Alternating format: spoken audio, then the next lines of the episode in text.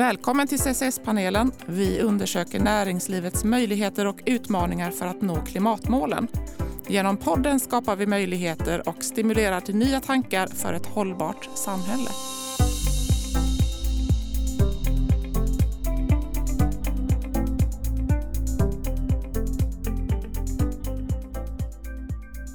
Välkommen till CCS-panelen.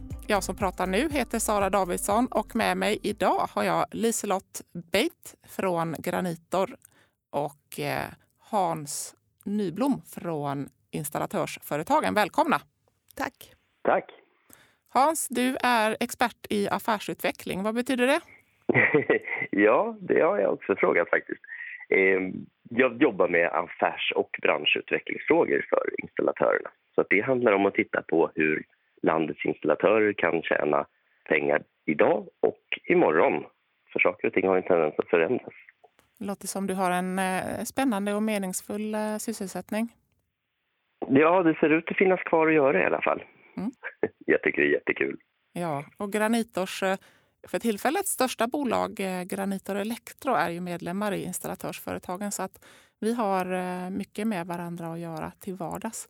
Liselott, du är en återvändande gäst i podden för du har nämligen pratat om livsstil och eh, ändrade beteenden för klimatets skull tillsammans med KG Hammar nyåret eh, 2021-2022.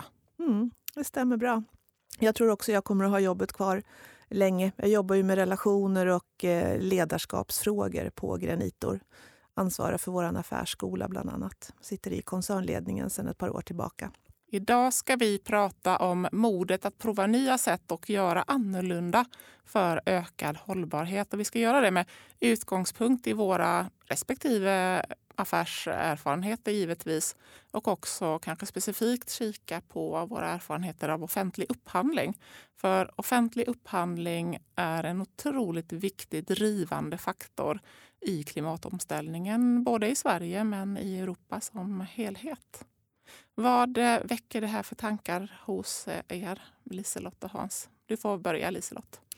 Ja, den, den mesta erfarenheten jag har av det här konkret är att jag har jobbat som samverkansledare i två större projekt på Arlanda. Då var det inte LOU, utan det var via LUF. Eh, och jag tänker på hur, hur fint det blir när man faktiskt kan samverka och eh, komma överens tidigt i projektet om vad det är som ska gälla. Både när det gäller då, eh, olika miljöcertifieringar men också när det gäller ekonomiska mål. Vad säger du Hans? Ja, men eh, just samverkanstanken, att, att titta på hur, hur får vi bästa nytta av det här?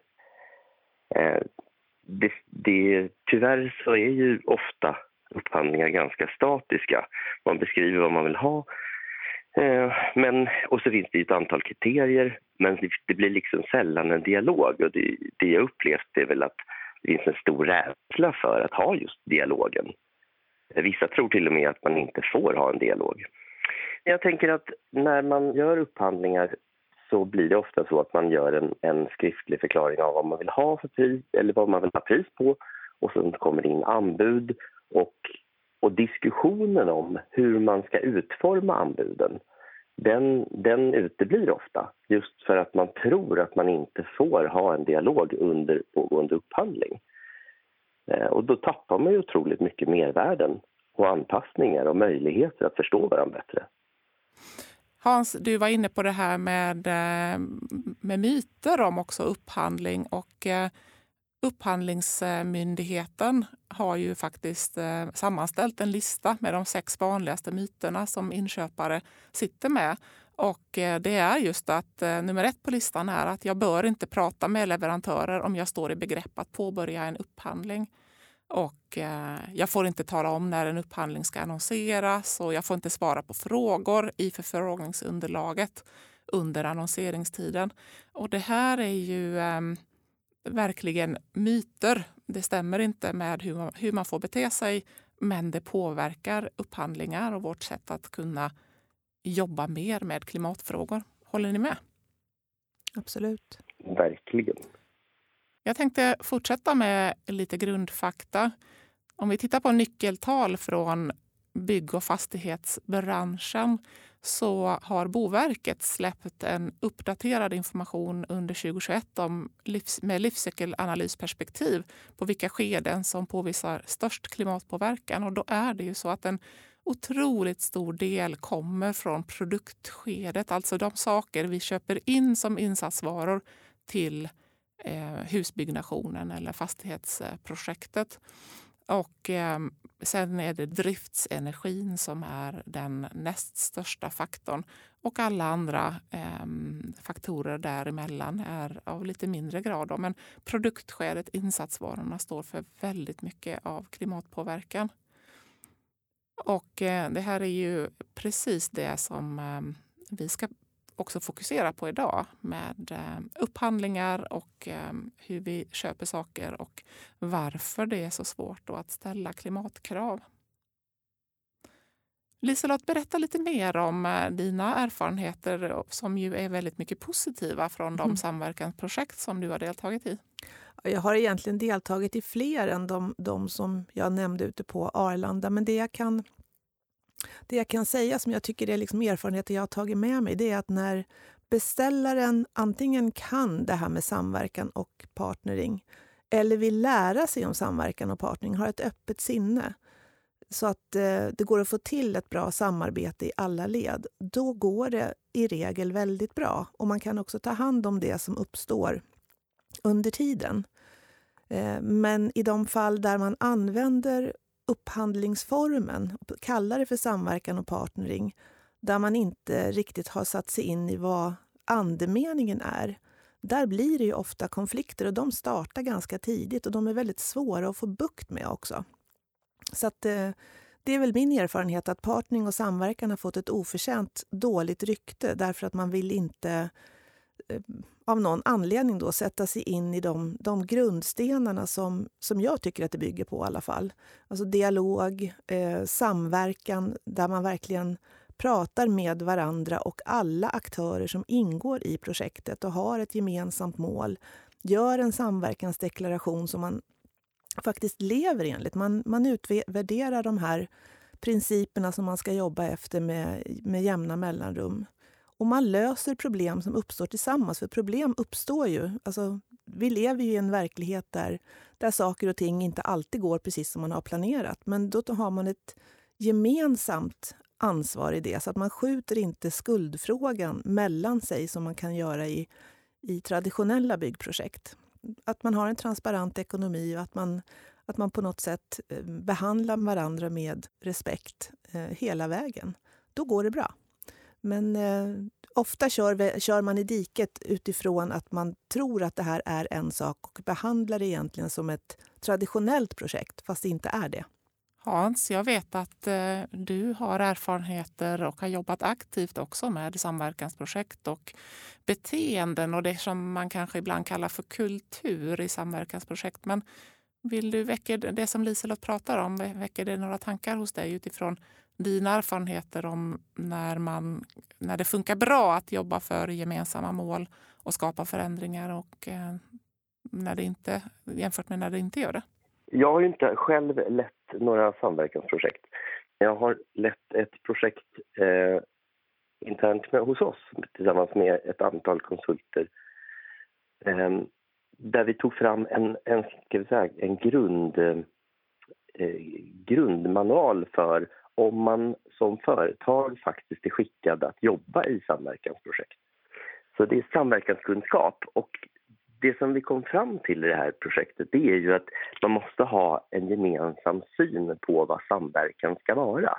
Så precis det här som ni lyfter fram med kulturfrågan, att alla måste vara beredda att vilja bidra och ta liksom höjd för eh, att lösa problem. Och ibland så får man ställa upp och lösa ett problem som kanske inte drabbar primärt en själv men som ändå sinkar projektet. Så, så har, man, har man stödsystem för det, har man tydliga ekonomiska uppföljningssystem internt vilket också är helt avgörande för att det ska fungera på lite sikt då, då ser vi att det här är extremt framgångsrikt. Så vissa medlemmar eh, de har till och med valt att jobba i princip bara i samverkansprojekt Eh, men det vi ser det är att då jobbar man ofta med samma, samma mm, aktörer, andra entreprenörer som man då över tid har lärt känna och förstår att vi kan lita på och att man har samma synsätt. Och det är ju det är spännande hur mycket kulturfrågan påverkar resultatet, både prismässigt men också hur kvaliteten blir. Du är inne på något väldigt intressant där och det handlar ju om tillit och eh, att eh, det här lärandet som då behöver uppstå mellan projekten, att vi för vidare det för att vi har hittat en personkemi och en gruppkemi som funkar bra. Kan det vara så enkelt? Ja, det är det ju. Eh, att man litar på varandra är jätteviktigt. Tillit är helt avgörande. Sen är det ju att man har gemensamma målbilder och de kan ju förändras över tid och då måste man ju ha fungerande dialoger så att man anpassar hela systemet och produktionen utifrån det nya målet. Jag skulle vilja lägga till också att enkelt är inte det ord jag skulle välja därför att det här med att skapa trygga relationer det är lika mycket ett jobb som allting annat och det kräver tid. Och Jag tror att det kan ofta vara det som, som sätter käppar i hjulet därför att när man pratar om att jobba med samverkan och ha en samverkansledare så sätter man ju också upp en färdplan eh, kring hur man ska jobba med de olika grupperingarna i hela projektet. Och det är klart att det tar produktionstid. Och har man inte varit med om ett lyckat projekt då som har tagit så mycket tid till relationsskapande, då kan det vara svårt att våga ta det där avgörande steget. Ja, tar man det steget så räknar man hem de här pengarna, men det är det här som är den stora utmaningen. Så att, så att enkelt är det inte och det tar tid, men det lönar sig i slutändan. Om man också då skriver kontraktet rätt. För jag tänker på det som, som Hans har snuddat vid, att det finns personer som inte gillar det här sättet att jobba. Man vill jobba mer traditionellt och då behöver man kunna byta ut de personerna även i ett sånt här projekt. Därför det blir för kostsamt att ha personer med som, som inte vill. Det här handlar väldigt mycket om vilja och att vilja se det gemensamma målet. Att vilja se sig själv som en länk i kedjan där ingen är egentligen viktigare än någon annan utan det är ett ömsesidigt beroende för att man ska få det här projektet att ta form på så bra eh, hållbarhetsmässiga och ekonomiska mål som möjligt och till kundens belåtenhet. Det du pratar om Liselott, just med relationsbyggandet och att det faktiskt tar energi och tar tid i anspråk. Det finns forskning som eh, stöttar det du säger också. Eh, Anna Karefors till exempel, professor på KTH i fastighetsförvaltning, hon är ju inne på att eh, det är svårt att driva utveckling och nytänkande eller innovation med ett finare ord i projektbaserade organisationer som ju just byggprojekt består av, eh, säger Anna Kadefors. Då. Och det här är ju särskilt svårt i politiskt styrda organisationer med kanske fyraårsperspektiv där man eh, utsätts så att säga i sitt eh, utvecklingsarbete också för att det är val med jämna mellanrum och sen ska man stabilisera organisationen och det blir nya direktiv. Och offentliga upphandlingar som vi har varit inne på som ju styr så mycket av eh, vårt byggande i landet. Det bara för att nämna ett exempel så är ju LKAB som är ett statligt bolag och eh, Trafikverket, de står ju för merparten av eh, av eh, inköpen från eh, Cementa och eh, deras cementtillverkning. Då. Så att det här säger någonting om dimensionerna i, i vad vi har att förhålla oss till. Det vi säger alla tre eh, handlar om samma sak. Hans, just med, med, med, lärandet som du var inne på. Liselott, du säger att vi behöver investera tid i att kunna känna oss trygga för att ta oss an gemensamma mål och eh, forskningen på KTH då, um, i Anna Cardfors team pratar, visar ju också då att uh, det är lättare att uh, göra som man brukar göra om man ska jobba projektbaserat.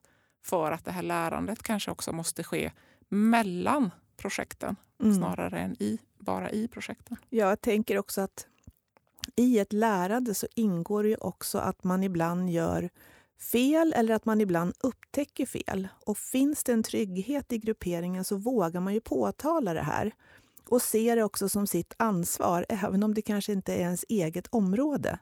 Och jag tror att där ligger väldigt mycket av liksom lösningen för att bygga hållbart. Att vi vet att vi jobbar på aktuella ritningar, att vi, att vi, vi vet vad kunden egentligen vill ha. Jag vet det här ena projektet som jag var inblandad i, det gick väldigt bra fram till att kunden skulle flytta in.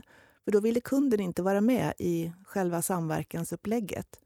Och då visade det sig att de som skulle jobba i köket eh, i det här bygget, eh, de var inte alls nöjda med lösningarna. Så då fick man bila upp golvet och göra om en massa saker. Och det här är ju en enorm, liksom, ett resursslöseri som man blir helt gråtfärdig av. Så att, eh, man måste nog eh, våga inkludera och eh, också våga så att säga, dra i snöret innan man har gått för långt i ett projekt. För då kan vi ju spara på resurser.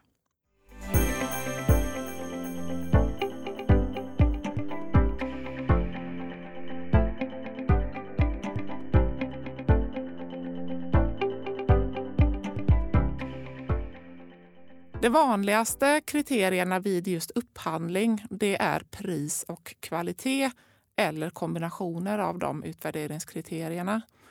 Jag har läst ett otroligt spännande examensarbete genomfört vid Luleå tekniska högskola av Ali Asal och Daniel Semnani. Och de har undersökt nästan 200 genomförda upphandlingar i västra Sverige, i Göteborgs kommun och eh, kranskommunerna. Det finns en liknande studie gjord i Stockholm tidigare som visar samma sak. Det som de visar är att det är ett stort gap mellan teori och verklighet i hur offentliga upphandlingar genomförs med avseende på hållbarhetskrav. De har tittat på 181 upphandlingar och eh, där var det endast 17 som faktiskt hade antingen sociala eller miljömässiga hållbarhetskriterier. Och det är ju inte ens 10 procent av upphandlingarna. Spontana reaktioner på det? Oj. Mm. Mm. Har vi inte kommit längre? Mm. Det är sorgligt. Ja. Och eh, då har de eh, kompletterat med intervjuer i de här upphandlande enheterna och både intervjuat sådana som inte ställer några eh, hållbarhetskrav och de som ställer hållbarhetskrav och tittat, helt enkelt frågat eh, både kring köpbeteendet, hur man genomför upphandlingar och också varför. Var, varför eh, ser det ut så här? Och eh, slutsatsen är att ehm, man upplever att det är svårt att ställa hållbarhetskrav. Det är svårt att eh, definiera tydliga frågor. Den vanligaste frågan är att man ska ha miljöledningssystem. Men det här behöver ju inte alls egentligen bidra till ökad hållbarhet i det specifika projektet. Men också att det finns en rädsla, och det var du inne på Hans tidigt. Man är rädd för att man ska göra fel, för att det Kostnaden för att göra fel i offentliga upphandlingar är ju väldigt stor många gånger. Det kan bli överklaganden och förseningar och så vidare. Men de använder också faktiskt ordet lathet. Att eh, inköparna själva konstaterar att ja, det är lättare att göra som vi brukar göra och det finns ingen större reell efterfrågan från ledningsgrupper, eh, vare sig tjänstemannaorganisationen eller den politiska organisationen, för att trycka på ökade hållbarhetskrav. Och jag kan tänka mig också att det är en, en man hör ju ofta talas om att upphandlingar är svårt eh, av den upphandlande därför att man gör upphandlingar på allt ifrån eh, broar till, till kulspetspennor. Och att man helt enkelt inte har tillräckligt mycket kompetens för att ställa rimliga och relevanta krav. Eh, men där, det, det känns ju lite som att det skulle kunna falla under just lathet för att det är klart att det finns någon form av kravspec som man skulle kunna förhålla sig till. Och det är spännande, det här examensarbetet. Jag, jag sneglade lite snabbt i den och konstaterar att 80% av alla upphandlingar som de har analyserat baseras bara på pris. Alltså inte bäst eh, priskvalitet. 20% där tar man med kvaliteten i utvärderingen överhuvudtaget. Men 80% har man alltså valt bort det. Och det är klart att skulle jag personligen gå och köpa någonting hem, vad det nu än månde vara, en kulspetspenna eller en gräsklippare, så, så vill jag ju veta att det är en som är tillräckligt bra och att den håller någorlunda över tid. Men så fort det gäller upphandlingar så är, tänker man inte så. Det blir man lite fundersam på. Ja, och eh, Liselott, du representerar ju också Granitor Properties som är en privat byggherre. Och um, har du några reflektioner kring uh, den privata sidans uh, eh, möjligheter att ställa hållbarhetskrav och uh, om du ser några skillnader mellan privata sidan och offentliga aktörer? Jag tänker dels inom, inom vårt eget bolag så tycker jag att vi är noga med att tänka hållbarhet. Men jag har också lyssnat på flera av de här CCS-panelen-inslagen och jag kan ju konstatera att eh, både K2A Fastigheter och Vasakronan så kan man ju konstatera att det, det känns ju som att man jobbar väldigt medvetet med att eh, säga, nå hållbarhetsmålen och man återkommer också till taxonomin. Eh, även om den är, är relativt ny så känns det som att man är på tårna därför att man på allvar vill bidra till den gröna omställningen. Och då blir det ju väldigt märkligt tycker jag när den offentliga sidan inte verkar vara på tårna på samma sätt. Eh, jag har lite svårt att om det nu är lathet eller om det handlar om att informationsinflödet är så, så stort och så snabbt så att man inte riktigt hinner ta till sig. Eh, eller om det är som Hans då menar att eh, upphandlingarna sker på så olika eh, saker så att eh, det är svårt att hålla sig uppdaterad kring allt samtidigt. Det är svårt att veta, men det är ju skrämmande för det är ju, det är ju stora summor det handlar om. Eh, jag tror att det stod i rapporten 782 miljarder SEK per år. Eh, det är mycket pengar. Ja, verkligen. Och eh, jag, eh, innan jag jobbade som hållbarhetschef så jobbade jag ju i linjen med eh, eh, uppdrag och affärsdrivande chef och hade ansvar för många ramavtal. Och just i Göteborgs kommun. Jag känner igen det här beteendet. att det finns, Jag tänker att det finns snarare större skillnader mellan olika aktörer än att det skulle finnas någon skarp gräns mellan privata aktörer å ena sidan och eh, offentliga å andra sidan. Och eh, det speciella med den här, eh, det här exjobbet som Ali och Daniel har gjort är ju just att de har varit väldigt noggranna med att titta på många upphandlingar. Man har inte tittat på sju, eller tio eller femton utan man har tittat på nästan 200 upphandlingar över många års tid och i flera kommuner. Och eh, de eh, tittar ju också, de, de ser ju tydliga skillnader snarare mellan individer och i, kom, mellan olika kommuner, men kommunerna är inte större än att de, de upphandlande enheterna ofta består av ett, ett fåtal eller grupper av, av individer. Då. Eh, det är heller inte skillnad på större kommuner eller mindre kommuner utan det kan vara, se väldigt, väldigt bra ut i en liten kommun på grund av att det finns individer där. Och det här stärks också av de eh, kvalitativa eh, undersökningarna som de har följt upp med, där de har intervjuat de här respondenterna i, i de olika upphandlande myndigheterna och kommer fram till det att det är framförallt individer som gör skillnad. Jag kan bli lite... Dels så tänker jag att det finns någonting väldigt hoppfullt i det.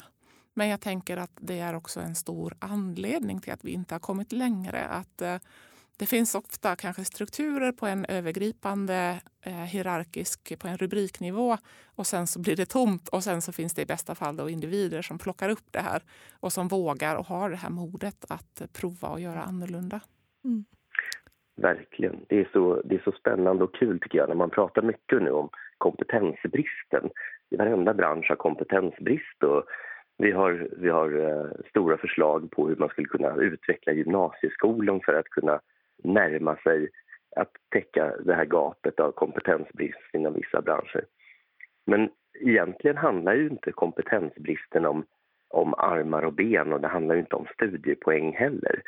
Utan vi räknar med att, att det mesta kommer att vara nyuppfunnet ganska snart. Och det är ju inte fysiskt möjligt att kunna något om det innan sakerna finns här. Så vi måste lära oss nytt hela tiden, alla. Och då är ju kompetens inlärningsförmåga och vilja att lösa problem. Det är kompetens. Ska man skärskåda det där lite så är ju kompetens egentligen förmågan att eh, förverkliga. Och då handlar det så mycket om att vilja förverkliga, annars kan man ju inte. Och då kommer man till det här precis som du var inne på, att om man som individ på upphandlande myndighet vill göra ett bra jobb så går det alldeles utmärkt. Men om man bara vill komma undan risken att få, som du var inne på, överklaganden och så vidare, ja då kanske man följer boken för man orkar inte engagera sig mer. Så här handlar det så mycket om att hitta en kultur där man vill bidra och där man kan kanske belysa att upphandlingar faktiskt har gått bra. Eh, och det vet jag inte riktigt var det syns idag. Man hör talas om de misslyckade exemplen men de här lyckade exemplen och de engagerade individerna, de skulle vi behöva lyfta fram mera. Verkligen Hans. Det får vi göra fler program om Liselott, eller mm. vad säger du? Absolut. Eh, jag, tänk, jag satt mm. faktiskt och tänkte på det, för är det någonting som jag tycker har genomsyrat alla program i CCS-panelen så är det dels ett lärande, men också att det känns väldigt positivt att lyssna därför att det blir väldigt tydligt att det pågår så många fina initiativ på så många olika fronter. Och det är hoppfullt. Mm, jag håller med. Tack för den observationen, Liselott. Mm, varsågod. Hans, du, har ju, eh, du och kollegor med dig, ni har ju armar och ben in i liksom självaste riksdagshuset. Jag tänker att du får också en uppgift genom den eh, maktposition som branschorganisationen har och den, det är också den nätverkande möjligheten att bidra med inspirerande seminarier där vi faktiskt lyfter de som gör bra saker. Mm. Går du med på det? Absolut. ja, det är bra. Hans, kan inte du, eh, du... Du jobbar ju och har länge jobbat i branschorganisationen Installatörsföretagen. Har du något eh, positivt exempel eller någonting som du är nyfiken på som du vill tipsa lyssnarna om just när det gäller samverkan eller upphandling och att göra skillnad och ställa nya, prova nya krav och få um, se det lyckas? Ja, alltså superviktigt att fundera lite över vad är det What's in it for me, det, är ju, det kan ju innebära att man vill roffa åt sig. Men det kan också eh, innebära att man faktiskt är med och bidrar och att man vill ha eh, fler värden än bara rent ekonomiska. Jag tänker på, det finns, det finns en, jag vet inte om det är en förhandlingsteknik från början, radical collaboration som, som de brukar förklara med att om två personer vill ha en apelsin eh, och så har man en apelsin, hur gör man? Och standarden är ju att vi delar den på mitten så har vi gjort det bästa vi kunde. Men eh, enligt det här tankesättet så är det mer att vi ska faktiskt prata med varandra och se vad är det du behöver. Och då visar det sig kanske att den ena personen behöver skalet för att göra en ambrosiatårta medan den andra behöver en pressad apelsin för att göra någon juice eller något. Och då kan ju faktiskt båda få bli helt nöjda. Och ofta är det ju så. Det kanske är en väldigt liten insats av ena parten som gynnar den andra parten väldigt mycket och vice versa. Eh, så den, det synsättet tycker jag, att ta in det även när du börjar komma in mot, till och med lämna anbud då i förhandlingar eller i eh, upphandlingar. Att titta vad, vad är det för någonting som ni är ute efter att uppnå med den här upphandlingen? Och på vilket sätt skulle vi kunna bidra till det? Det kanske till och med är så att man själv inte är den som är bäst på att bidra. Och då är det ju bra om det kommer fram på en gång. Det, jag vet inte om det är en skröna, men för många år sedan så, så sägs det att leverantören av instrumentpaneler till Volvo gick till Volvo och sa vi har märkt att folk, de andra biltillverkarna börjar med digitala displayer. Hur ska vi göra för att ni ska vara så relevanta som möjligt om ett par år? Och det slutade med att man i princip fick bygga om helt och hållet sitt eget bolag och börja importera digitala skärmar istället för den kompetens man själv satt på. Jag tycker det är ett bra exempel på att tänka hur, hur bidrar vi för att vi ska tillsammans vara lönsamma och framgångsrika på lite längre sikt? Mm. Bra exempel. Jag blir väldigt sugen på både apelsinsaft och eh, kakor här när du pratar, Hans. mm. men, men det du plockar upp är ju ett väldigt bra... Det är ett väldigt eh, liksom, målande exempel på hur, eh, hur det lönar sig att prata om vad är det vi vill uppnå och menar vi olika saker.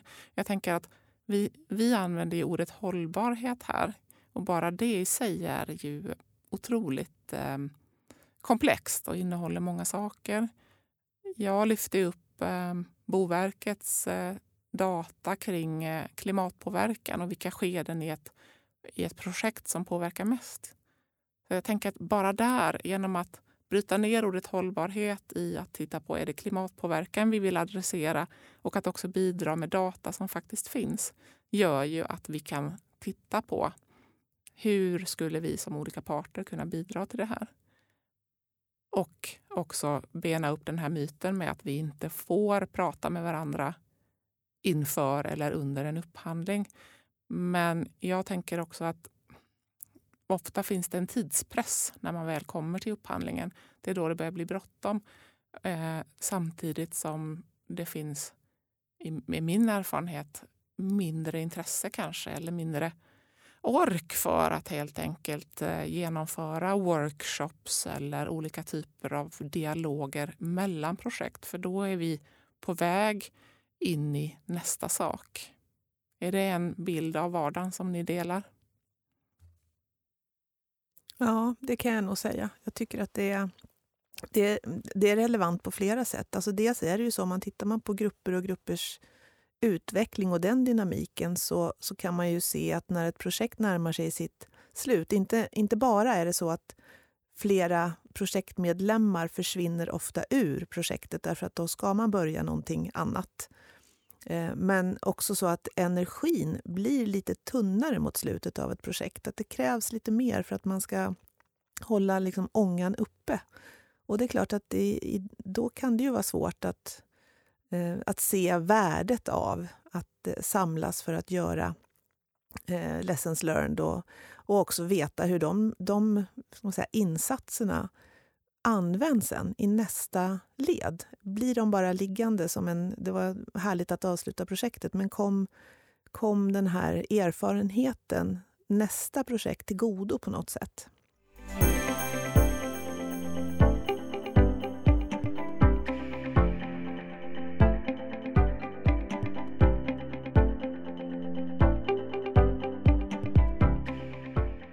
tycker vi att vi har fått tydliggjort det här med Ehm, att hållbarhet ofta upplevs som något komplext. Men att om någon visar hur man gör så kan det bli lättare att göra likadant. Ehm, I den här studien så efterlyser man ju mallar till exempel. Alltså jag tänker på flera saker. Dels så, så och jag vet inte om jag har lyssnat på det i någon av dina poddar, Sara, men jag tror att det var med Rickard Sjöqvist faktiskt som pratade i eh, jag tror att det var avsnitt 20, Rickard Sjöqvist som är energi, miljö och teknikchef på just Granito Properties, så pratar han mycket om att det är eh, den som köper som har makten. Eh, och det där handlar ju också om, alltså dels handlar det om att eh, leverantörerna då behöver på något sätt kunna svara upp mot det där. Men så länge det finns aktörer som inte använder sin makt så har vi också leverantörer, tänker jag, som kan ägna sig åt eh, greenwash eller kanske sälja på, på pris. Och då kommer vi, inte, då kommer vi inte längre eh, i arbetet med att vara varken klimatsmarta eller hållbara. Så det är en sak som jag funderar mycket på. Eh, och sen funderar jag också mycket på det här med cirkularitet, alltså hur mycket hur mycket av det som vi faktiskt eh, bygger eller bygger om kan vi återanvända? Jag läste också någonstans om att det är uppåt 19 miljarder som, som trillar ur eh, i värde beroende på hur vi handskas med våra byggnader. Både när vi bygger nytt men när vi bygger om också. Det är saker som, som upptar min mina, mina tankar. Och då tänkte jag också faktiskt också i, i relation till det där så tänker jag mycket på det här med att eh, det skulle vara så fint om det fanns någon rådgivning som, som kunde hjälpa till. Jag tänker på mig själv som privatperson som bor i hus. Eh, jag vill inte bygga om för att det ska slitas och slängas men jag vet att jag kommer att behöva renovera mitt badrum därför att det finns det kakelfogar som är lösa och sådär. Jag kommer också behöva byta mitt tak. Jag skulle så gärna vilja veta så här, vart kan jag vända mig för att ta reda på i vilken ordning ska jag göra det här? För det kanske är smart att in installera solpaneler. Och då kanske jag kan unna mig golvvärme i badrummet. Men vem kan rådge mig runt det här? Eh, och då tänker jag återigen på de här avsnitten med eh, både Vasakronan och eh, Eh, K2A Fastigheter eh, där man pratar mycket om både den offentliga miljön och hur man jobbar där men också hur man jobbar med att lära eh, studenter som kanske har sin första bostad, bostad hur man kan agera för att själv bidra till att hålla nere till exempel konsumtion av vatten. Hur man kan sopsortera så att man tar med sig det här beteendet in i nästa eh, bostad. Eh, så att, jag har många såna här tankar och funderingar. Jag skulle jättegärna vilja veta så här, vad kan jag gå för att bli mer klimatsmart i de åtgärderna som jag vill göra i mitt hus? Och kan man gå ihop, ett helt grannskap kanske, och göra smarta saker? Ja, verkligen bra. Och det här, jag tänker att eh, dels så det avsnittet som du nämner, det är avsnitt nummer 22. Fastighetsförvaltning och åtgärder för att minska klimatpåverkade utsläpp med Anna Drenell från Vasakronan och Karina Antin från eh, fastighetsföretaget K2A. Och eh, det är lyssningsvärt därför att de, gör, eh, de ger verkligen konkreta exempel på hur man kan jobba.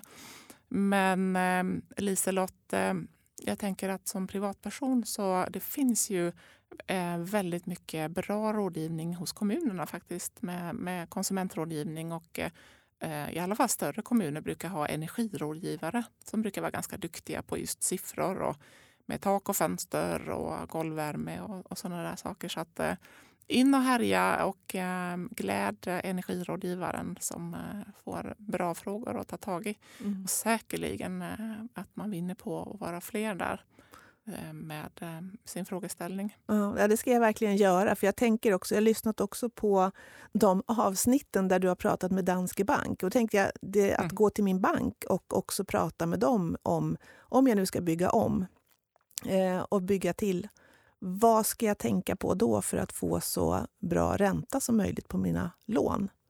Ja, och där finns verkligen anledning mm. att gå ihop fler. Då, för ja. att eh, om man eh, samverkar med grannarna på gatan så får man, får man bättre villkor. Mm. Möjligen. Möjligen. Eller så är man fortfarande en liten plutt. Men, mm. eh, men eh, det, det borde ju ligga någonting i det där.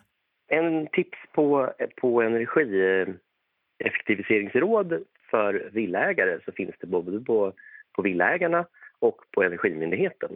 Vad man kan tänka på och sådär.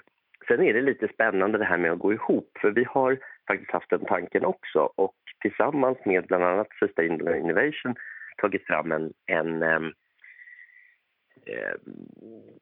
ett projekt. Vi får se lite hur det kommer att landa. Men tanken är att man alltså ska kunna göra... Eh, vi ska prekvalificera upphandlingar av isolering, nya fönster och så vidare. Och sen gör man en, en kollektiv upphandling, eh, ett helt område. Då kan det ju vara så att det är flera BRF eller villägare som går ihop ett helt område och säger att det här området byggdes 82. Fönstren är dåliga. Vi skulle behöva byta ut dem, men vi byter det på 30 villor i taget. Vad får vi då för pris?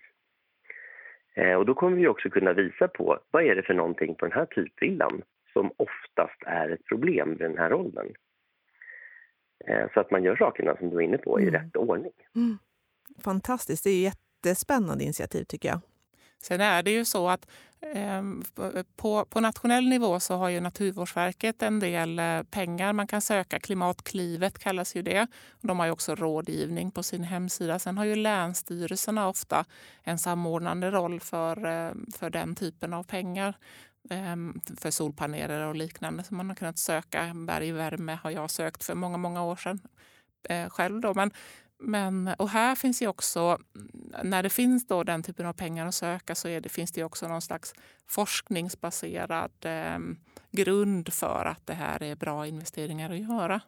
Sen har jag en, ehm, en åsikt om ehm, jag vet att i den januaribudgeten som lades så strök man energieffektiviseringsstöd, 2,4 miljarder och eh, la istället eh, en massa stöd här nu på att eh, människor fick eh, jättehöga elräkningar på grund av den bistra vintern och eh, alla beroenden som vi har i Europa på fossila eh, energislag med naturgas och liknande. Och den, den variabla vindkraften och solkraften som då samtidigt inte eh, gav den effekt vi hade önskat.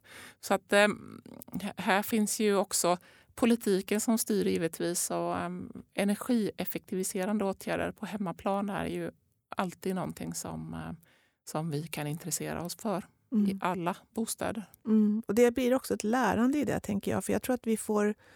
Vi behöver också titta på oss själva hela tiden. Um, I hur vi, hur vi beter oss. Jag gjorde ett spännande lite sån här Eh, test över nätet på jag tror att det var Världsnaturfonden eh, för att undersöka hur, många, hur jag beter mig. Och Då kom jag ju fram till att eh, trots att jag äter vegetariskt, åker kommunalt så fort jag kan, inte reser utomlands särskilt mycket eh, och tycker att jag så släcker, släcker lampor, drar ner temperaturen i mitt hem och så vidare, så lever jag ändå som om att vi hade fyra och ett halvt jordklot att tillgå. Så det är spännande, spännande insikter på liksom personlig nivå också. Vad behöver jag ändra för beteende? Ja, ofta i Sverige så har ju det att göra med att vi, vi har lärt oss att eh, det finns oändligt med vatten och det finns oändligt med elkraft. Det är så många av oss är uppvuxna. Mm. Och här Hans tänker jag på, på dels på Granitor Elektro som är medlem i installatörsföretagen och hela branschorganisationen Installatörsföretagen.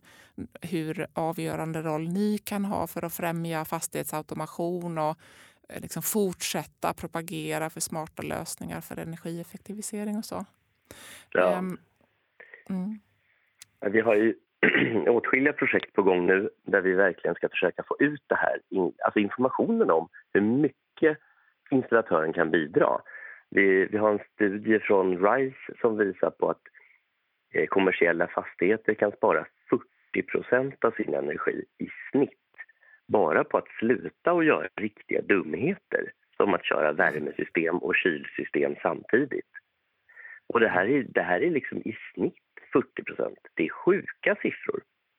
Och det är inte jättekomplicerat att lösa de här problemen.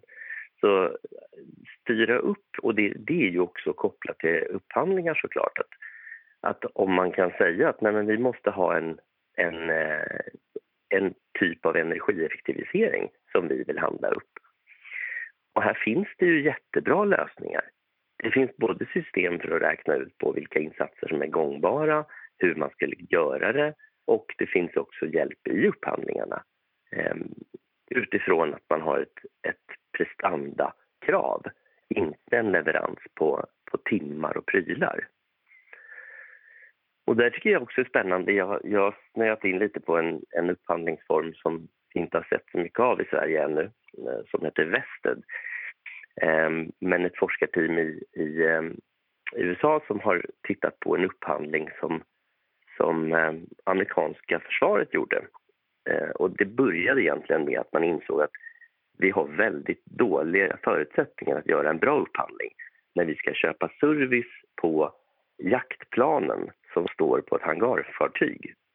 För vi kan inte berätta var i världen det kommer att befinna sig. Vi kan inte berätta hur mycket det har använts. Eh, vi kan inte använda de normala transportvägarna om det råkar ligga i havet utanför Kina så är det liksom svårt att få dit en reservdel. Eh, hur prissätter du den servicen? Och eh, det här har man då lyckats med. Och sen var det ett forskarteam som då analyserade det här och har kallat det för Vested-modellen. Så det är, en, det är en relationsbaserat kontrakt men det är en prestationsbaserad ersättningsmodell. Oerhört spännande. Och där är vi tillbaka på det här med samverkan. För det, väldigt mycket i den modellen bygger på just det här. Hur kan jag vara med och bidra till din framgång? Mm. Och det är det man prissätter utifrån. Och på samma sätt tänker jag då med, med energi. Eh, länge pratades det ju om EPC, Energy Performance Contract, och då är frågan, är det där, där hade man ju en, en prestationsbaserad ersättningsmodell i mångt och mycket. Och en del har väl sagt att det där var dåligt och en del säger att det är bra. Men grundprincipen att man hjälper till exempel en kommun att energieffektivisera hela sitt bestånd och visar på vad man tjänar på det över tid. Det är ju en väldigt bra modell. För där sitter man ju som leverantör på kunskapen. Väldigt intressant exempel. Det där är nästan värt ett eget avsnitt. Mm. Jag tänker också på att ett medskick från oss och någonting som eh, Ali Asal och Daniel Semnani kom fram till i sitt exjobb i sina intervjuer var ju också att det finns ingenting som hindrar att leverantörer och entreprenörer kommer med goda exempel på hållbarhetskriterier. Så här skulle vi kunna göra. Så här är vi beredda att jobba. Det kommer ju inte kanske med i den upphandlingen som är aktuell. Men det sätter avtryck och det är den här efterfrågade mallen som inköpare kan använda i nästa samarbete. Så att eh, mera mod och mera förslag tycker vi istället för mer invanda mönster. Vad tror ni om eh, den slutsatsen? Fantastisk. Ja, verkligen. Mm. Tack till dig som har lyssnat och eh, tack också Hans Nyblom, expert affärsutvecklare på installatörsföretagen för att du deltog. Tack för att jag fick vara med. Vad tar du med dig från dagens samtal? Jag måste säga att jag, jag blir inspirerad att titta på hur vi kan stötta i upphandlingar.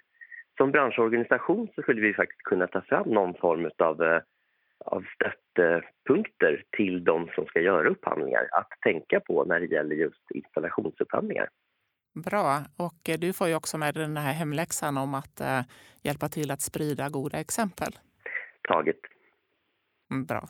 Tack också eh, Liselott Beit för att du har varit min gäst idag. Tack.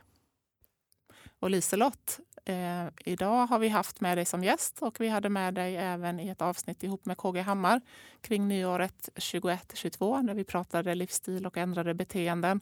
Men vi kommer få höra mer av dig därför att du kommer ta över rollen som programledare framöver i våra program i CSS-panelen, eller hur? Ja, det känns både roligt och eh, utmanande. Jag har ju som sagt lyssnat på dem eh, alla programmen som, där du har varit programledare och haft väldigt stor behållning av dem. Så det är lite fjärilar i magen och känns lite nervöst. Men eh, jag tänker också att jag ska vara modig. Och utan rädsla så finns det ju heller inget mod. Och jag tar ju tillsammans med två kollegor på Granitor också över stafettpinnen från dig när det gäller att vara hållbarhetschef och eh, ha en liten hållbarhetshubb på Granitor. Så att eh, det här blir en spännande fortsättning på 2022 för mig och eh, jag tror också det blir en spännande fortsättning för dig Sara. Fast inte hos oss. Ja, det blir det. Ja, och eh, jag kommer fortsätta lyssna på podden. Och eh, vi vill ju också uppmana alla som nu blir nyfikna tänker vad händer nu? Mm. till att eh, ta kontakt med dig och komma med programförslag och följa dig på LinkedIn och ehm, i sociala medier. Eller hur? Absolut. Jag tar tacksamt emot både intresseväckare och förslag på innehåll i den här podden framåt. Men det vi kan eh, lova är dels fortsättning på klimatperspektivet men också mer djuplodande eh, diskussioner om tillitsbaserade relationer mm. för att göra annorlunda imorgon. För tekniken är viktig mm. men vi behöver också ändra beteenden. Yes. Så Liselott, mm. read us out. Yes, vi hörs ganska snart och ha det gott där ute allihopa. Tack för idag. Tack. Hej då.